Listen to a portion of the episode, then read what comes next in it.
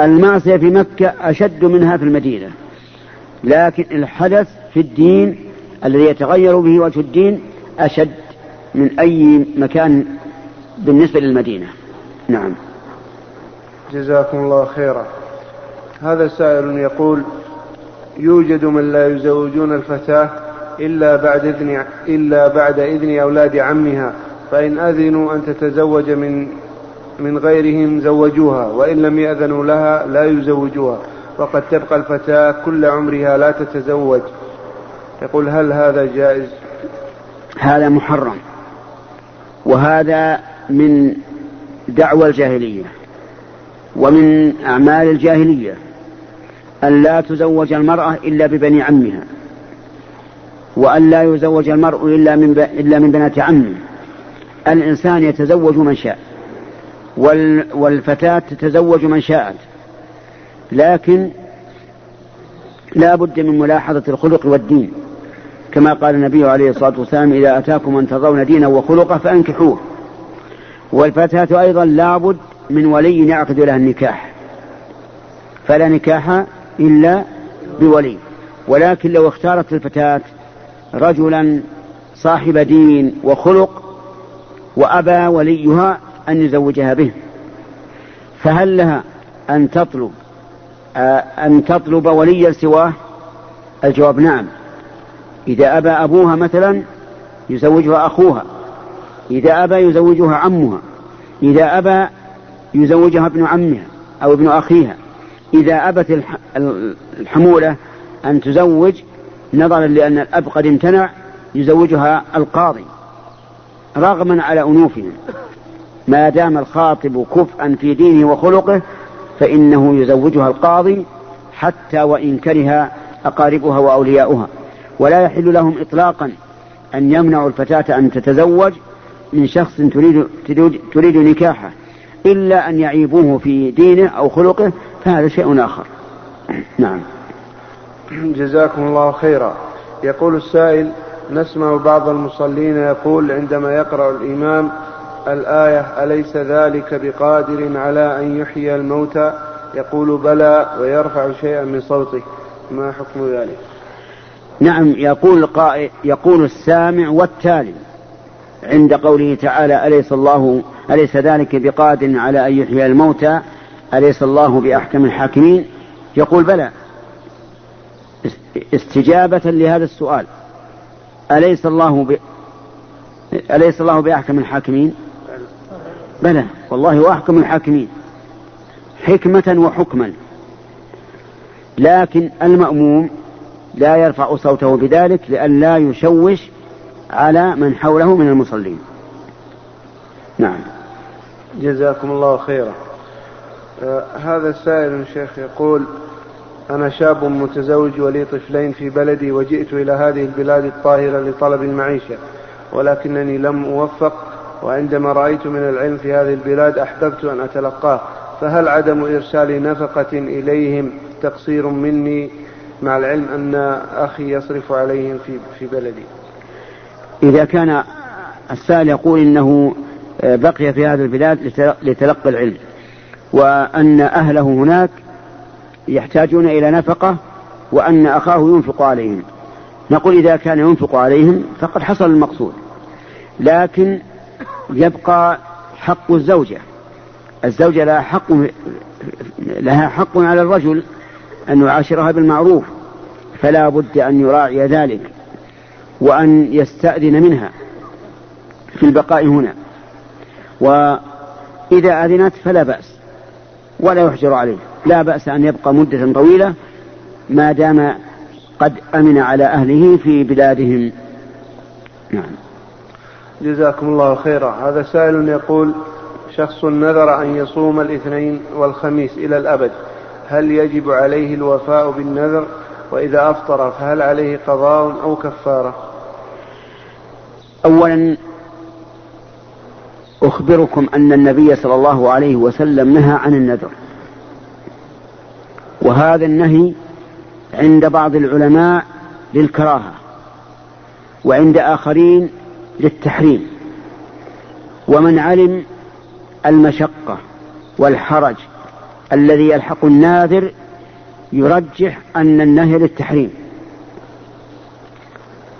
وذلك أن النبي عليه الصلاة والسلام قال نهى عن النذر وقال إنه لا يأتي بخير.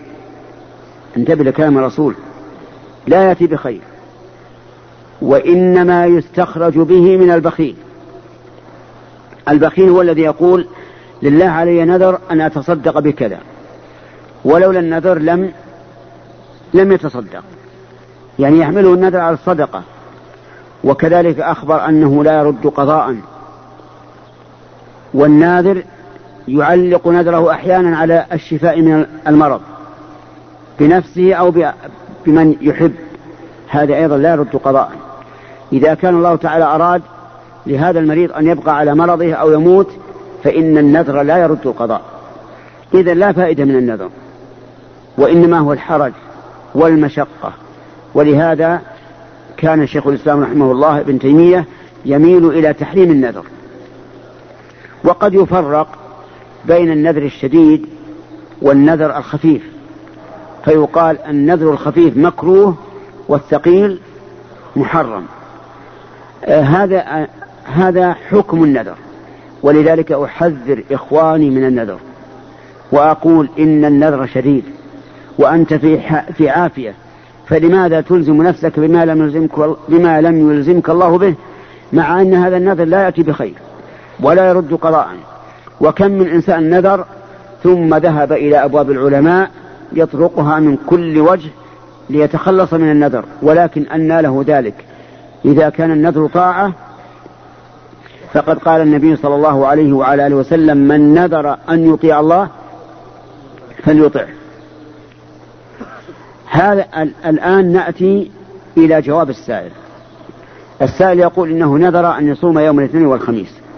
هذا النذر معصية أو طاعة؟ طاعة. إذا يلزمه الوفاء. يلزمه أن يصوم كل اثنين وخميس. إلا أن يكون إلا أن يصيبه مرض فإنه معذور. وأما مع الصحة فيلزمه أن يصوم الاثنين والخميس حتى ولو كان مسافرا لأنه لم يستثني.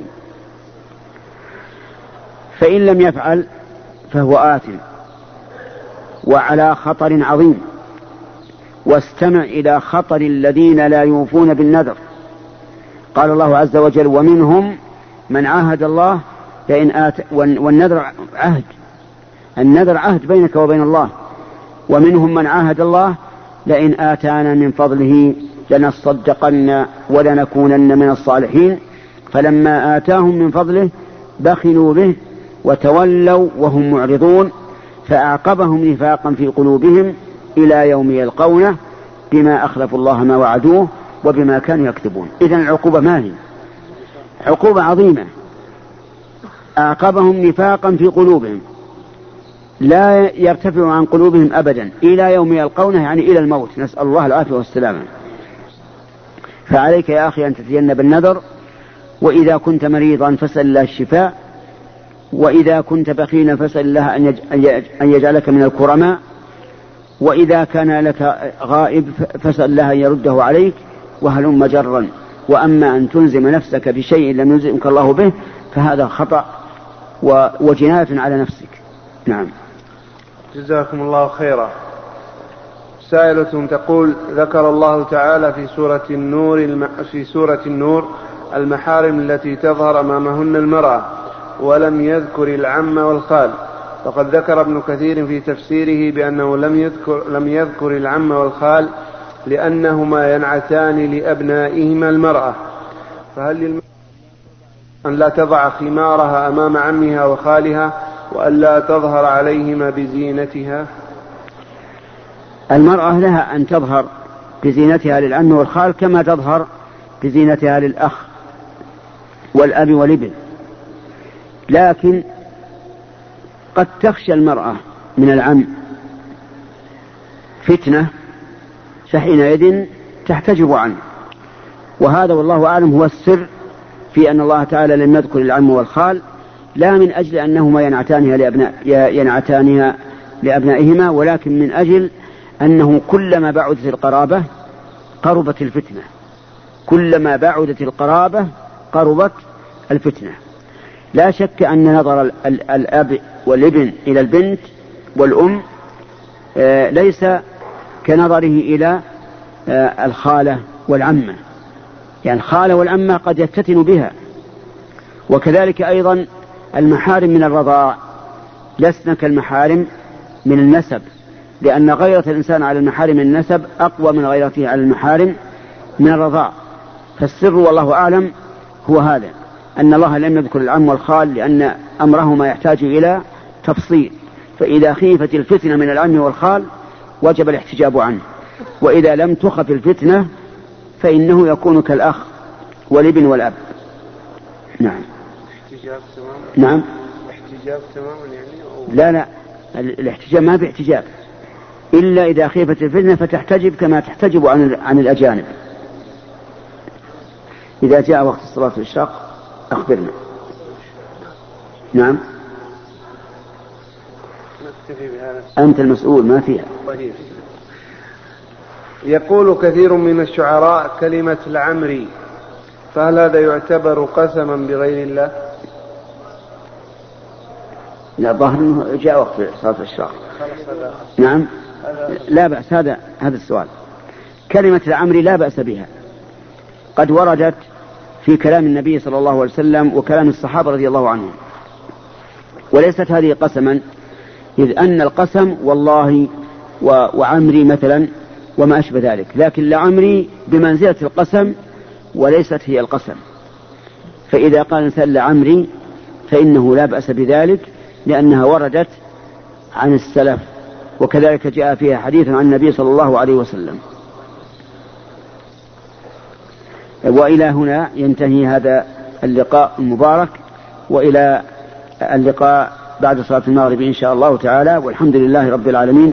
وصلى الله وسلم على نبينا محمد وعلى آله وصحبه أجمعين. واسمحوا لنا بارك الله فيك أن نصلي. اسمحوا لنا نصلي وأنتم صلوا أيضا.